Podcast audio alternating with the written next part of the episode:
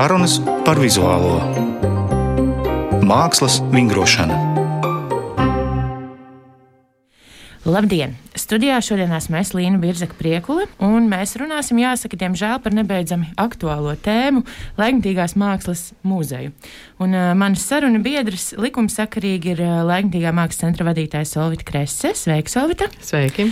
Un Laikmatīgā mākslas muzeja fonda vadītāja Elīna Vikmane. Sveika, Elīna! Sveika!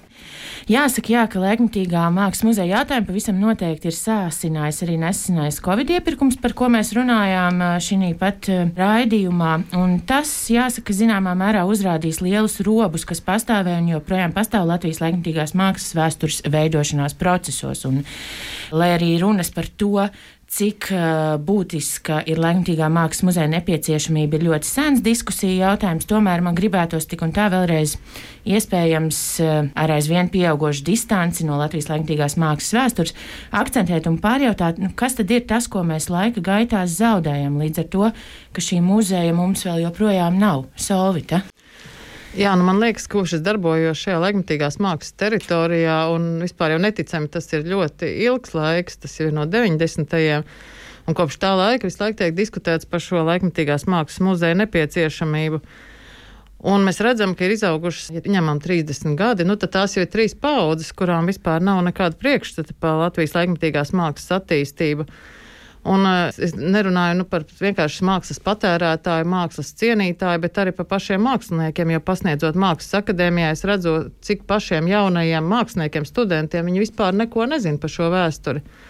Bet vēl ļaunāk ir tas, ka daļa no šīs vēstures segmenta vienkārši iet bojā. Mēs reāli zaudējam uh, ļoti nozīmīgu mūsu mākslas segmentu, jo daļa šo darbu, kas ir veidoti dažādās tehnikās, dažādiem izaicinošiem paņēmieniem, ka viņi vienkārši fiziski netiek pienācīgi uzglabāti, māksliniekiem nav iespējas viņus uzglabāt, un viņi vienkārši pazūd.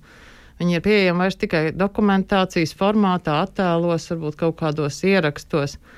Tā kā pirmkārt mēs tiešām zaudējam daļu no savas vēstures, un otrkārt mēs arī zaudējam nozīmīgu tādu izglītības segmentu, jo trešā paudze izaug bez šīm zināšanām par laikmatīgās mākslas cenu Latvijā, un arī varbūt tā ir viņa vienīgā pieredze laikmatīgās mākslas jomā, ja būtu šāds muzejs. Tā kā šis izglītojošais faktors nu, ir milzīgi nozīmīgs.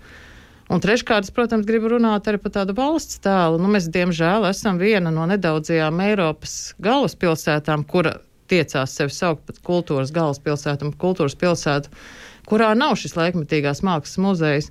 Nu, padomājiet paši, kā mēs izskatāmies no ārpuses, mūžīgi tiekoties profesionālās starptautiskās sapulcēs vai kaut kādās izstāžu atklāšanās ārpus Latvijas, man vienmēr ir nu, tāds kauns, ka man saka, nu, kur te jums laikmatīgās mākslas muzejs, ko tur redzēt, un ka man jāsaka, šī muzeja nav.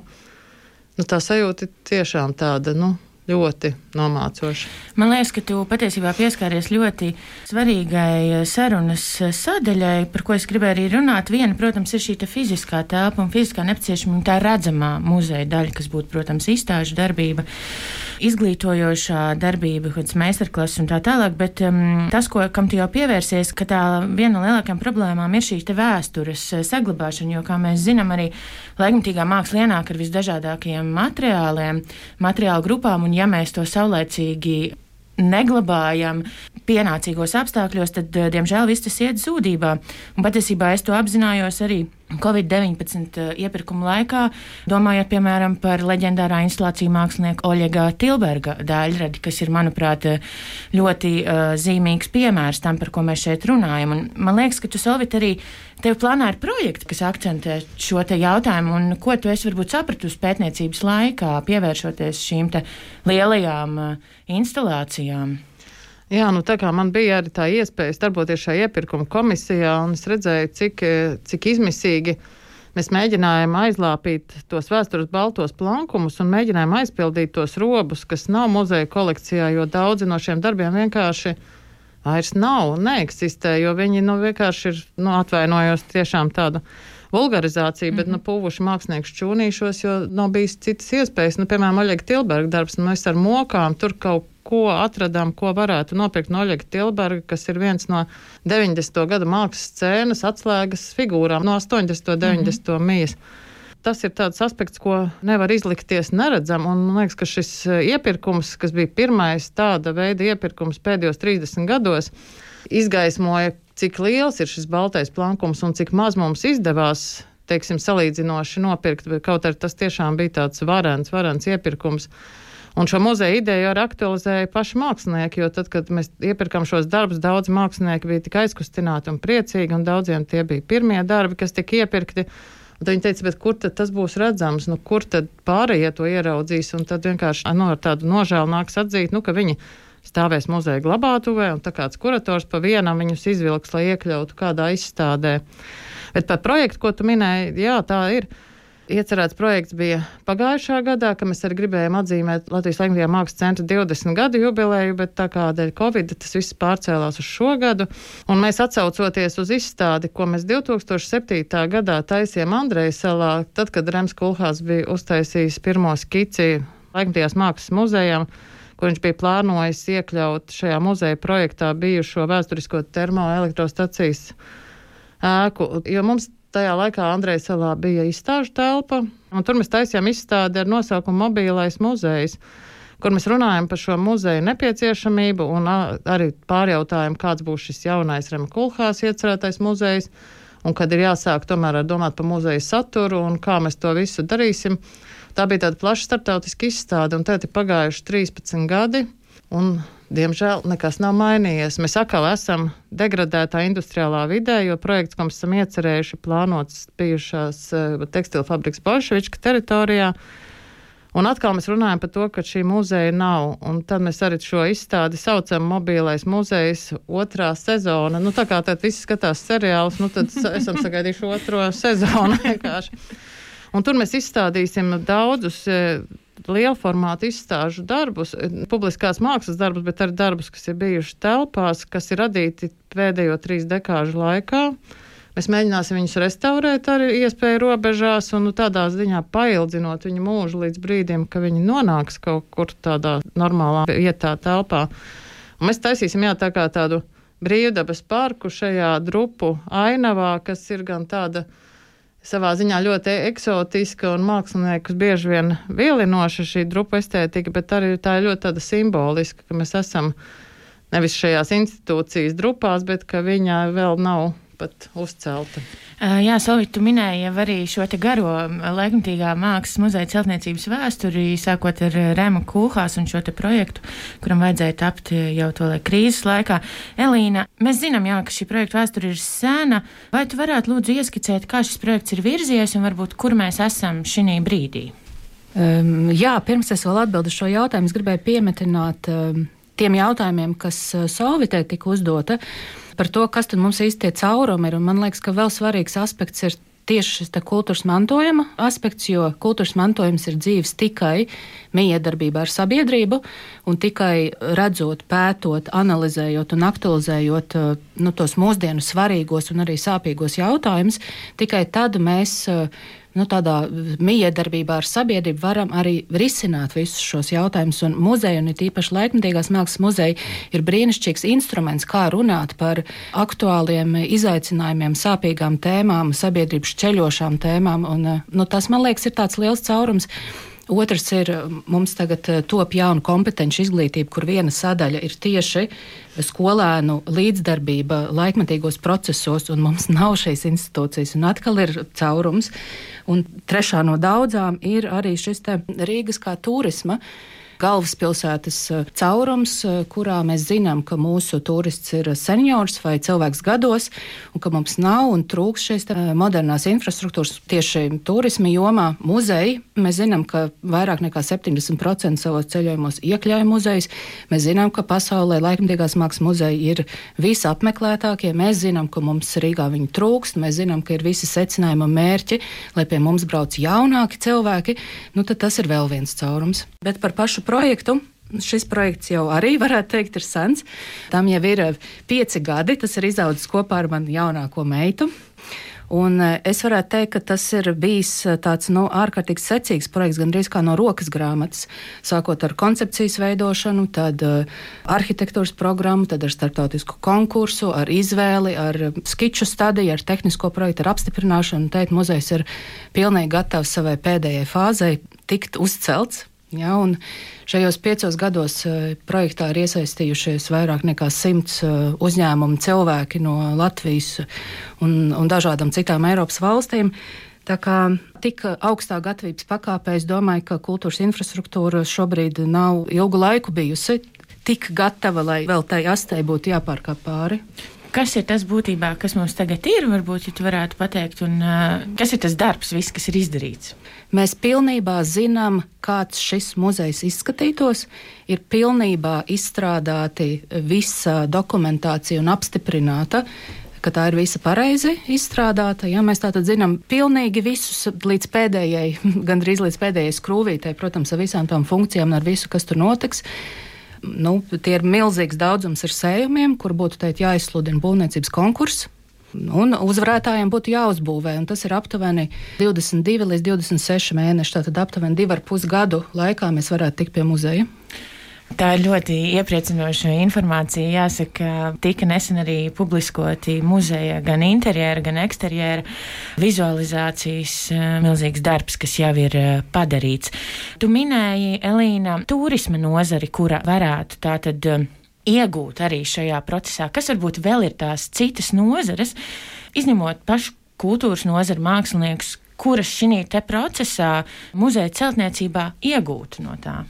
Nu, kopumā jau no Eiropas Savienības līmenī rekomendācija ir šīs publiskās infrastruktūras būvēšana, jo tas ir process, kurā iegūst visvairāk nozares. Ir aprēķināts, eh, ka iegūst aptuveni 30 dažādas uh, ražojošas nozares, kas ir pilnībā ārpus kultūras sfēras un arī ārpus turisma sfēras, kas ir ražojošās sfēras un pakalpojums sniedzošās sfēras. Un, protams, ņemot vērā, ka tas muzejs ir sarežģīts objekts, ka tas būtu arī nu, intelektuāli gudri pakalpojumi, gudras tehnoloģijas, gudri materiāli. Un, nu, tad, protams, turisms, eh, arī eh, nodokļu ieņēmumi, jaunas darba vietas. Nu, tā. Tā kā jā, tas ir milzīgs ieguvums visai būtībā sabiedrībai.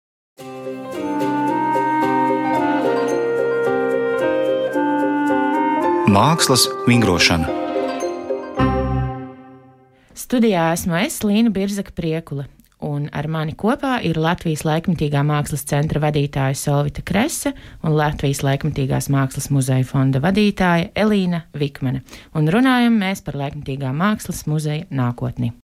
Mēs zinām, ka Latvijā mākslas muzeja problēmu ar privātās publiskās partnerības jautājumu, kas notika vienam no partneriem Iejot šajā sarežģītajā politiskajā situācijā, ko nekādā veidā neviens nevarēja paredzēt, kā jūs abas redzat, kādā veidā šis projekts turpmāk varētu tikt risināts?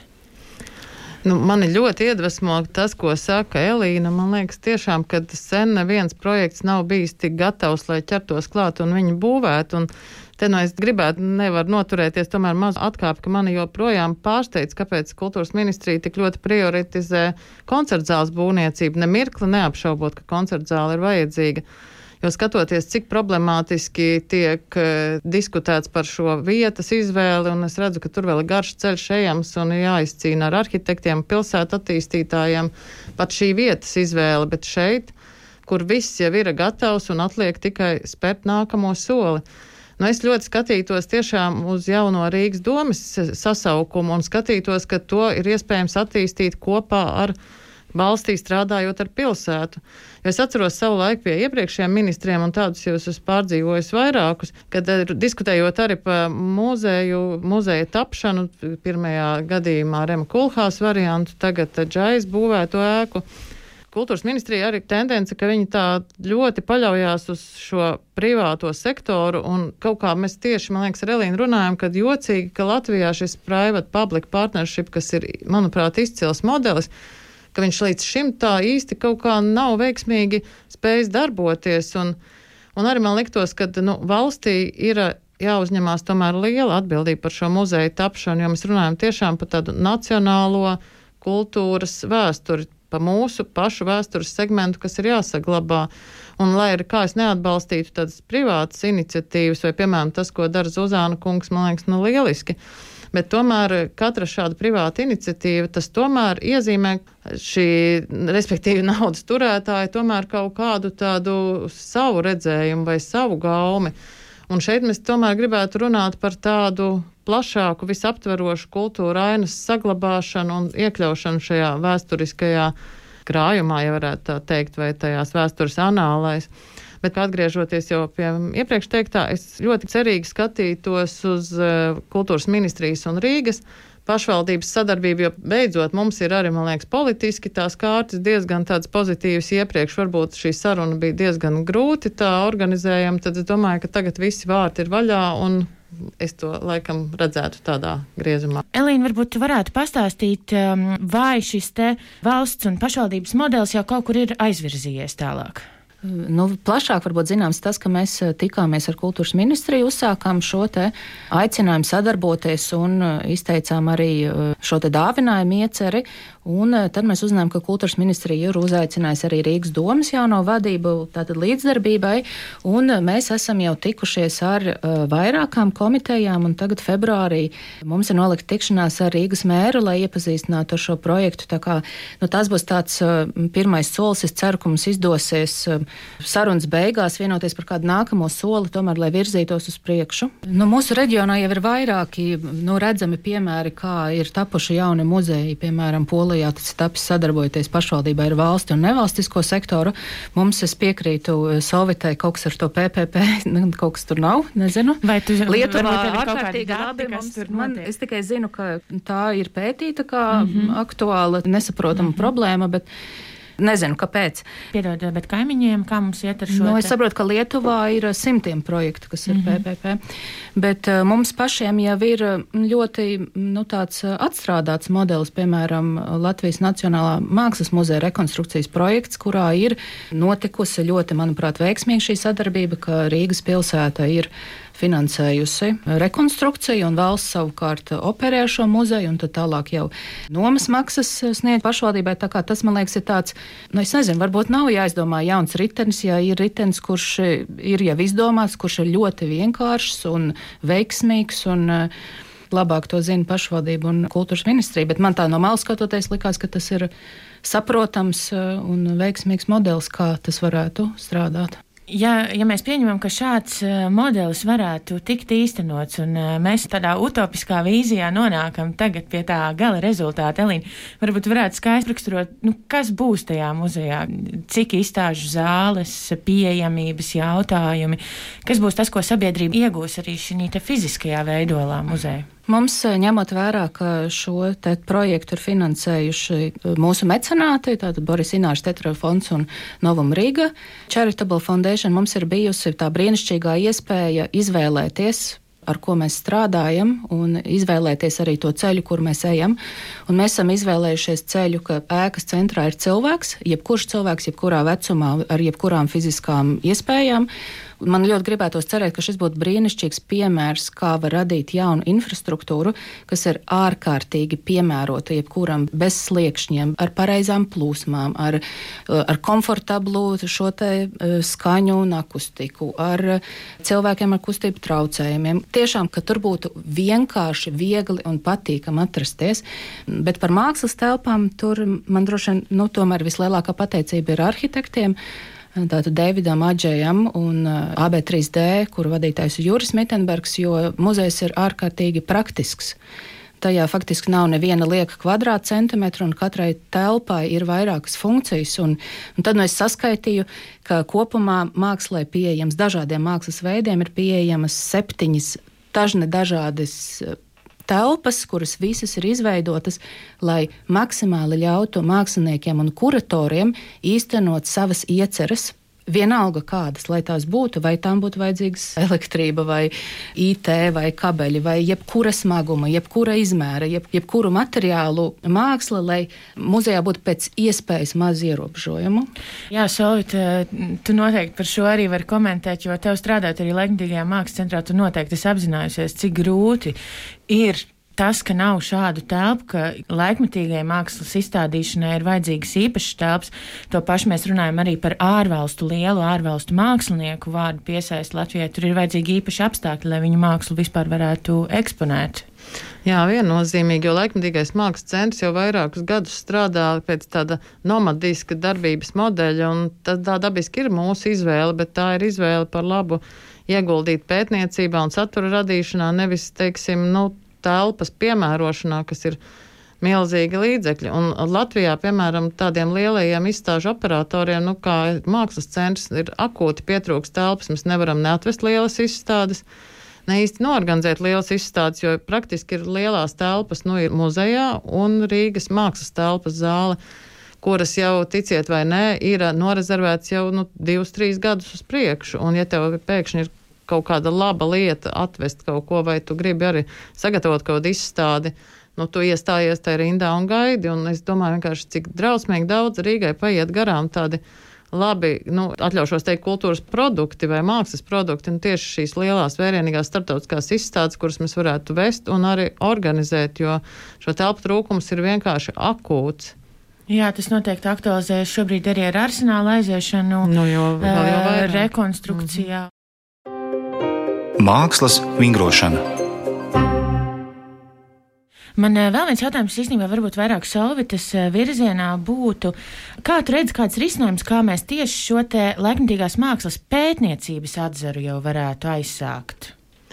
Tiešām, es domāju, tīri chronoloģiski, jā, jā. sistemātiski. Jo tas, man liekas, ir tāds karstais kartupelis arī Latvijas mākslas scēnā, jo līdz šim vairāk ar to nodarbojās tiešām tās segmentāri dažādas organizācijas, un tas vairāk ir katras organizācijas kaut kādas misijas apziņa. Nu, piemēram, Latvijas laikmatīgās mākslas centrs pārsvarā nodarbojās ar pētniecībā balstītiem projektiem.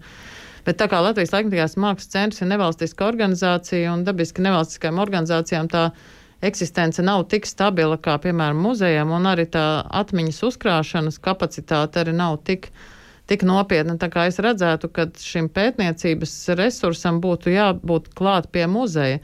Jo arī, ja ir šī kolekcija, respektīvi, ir tas materiāls, ko pētīt, jo tagad arī daudz kas mūsu pētniecībā tiek balstīts tieši no dokumentācijas materiālā. Mēs meklējam kaut kādas fotogrāfijas, mēs meklējam kaut kādus uh, video ierakstus, un no tā tad izdarām secinājumus, vācam intervijas un runājam ar cilvēkiem, kas, protams, ir neatņemams pētniecības elements. Bet, ja tu vari strādāt ar tiešām ar to pašu materiālu, ar mākslas darbiem un būt viņiem līdzās, un tad strādāt ar šo pētniecību, tas ir pilnīgi cits rezultāts.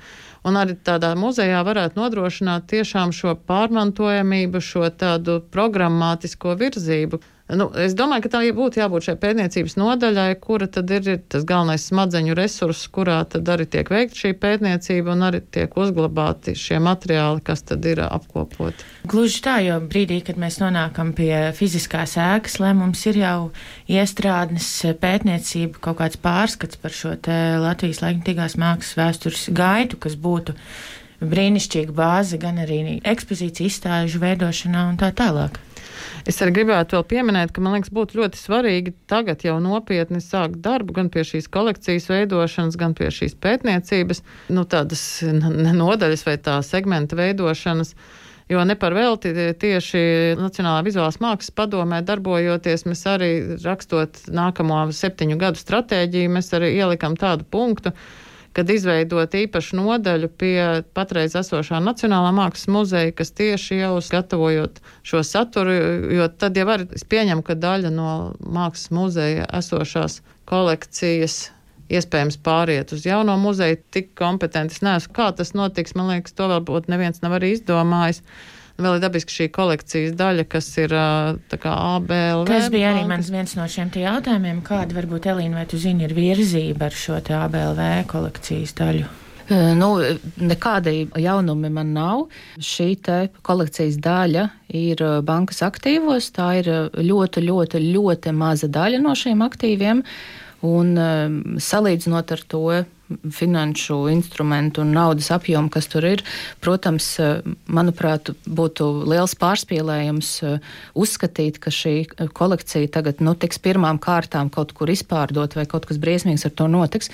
Un arī Ernests Bērnis pats ir arī minējis, ja gadījumā ar šo kolekciju nu, tiešām sāktos kādas kustības, tad viņš pats nu, būtu gatavs pat vēl vienreiz viņu nopirkt, lai tā saglabātos tiem mērķiem, kuriem tā ir paredzēta.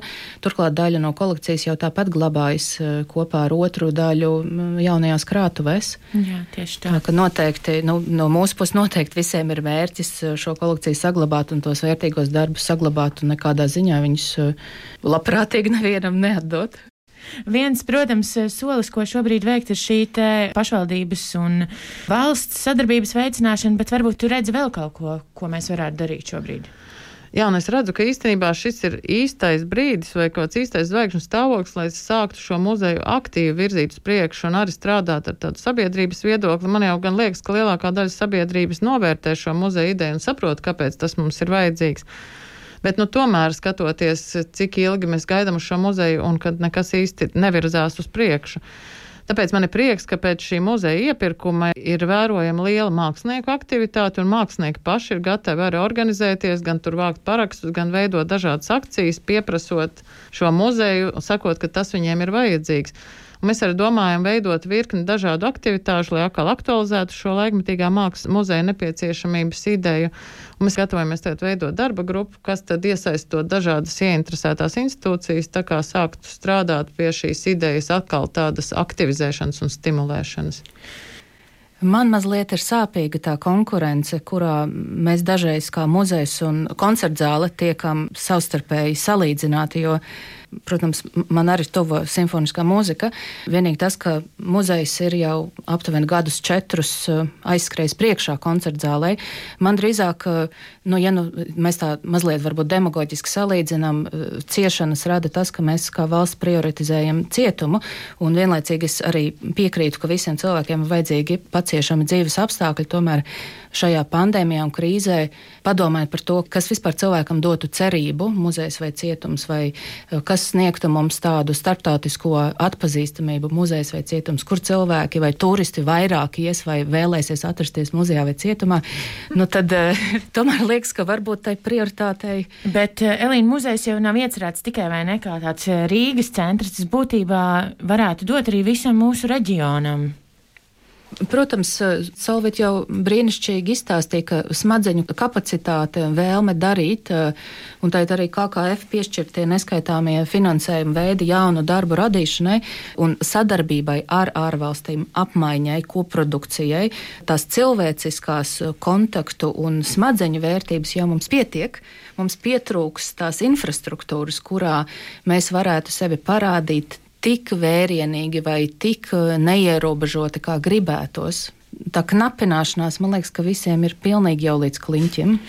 Es domāju, mēs esam šodien nonākuši tiešām pie konsensus, ka šis muzejs ir vitāli nepieciešams mūsu sabiedrībai, kultūras dzīvei, un mēs varam vēlēt tikai eh, lēmējiem eh, labu ceļavēju, un mēs ceram, ka šis projekts tiks drīzumā arī īstenots.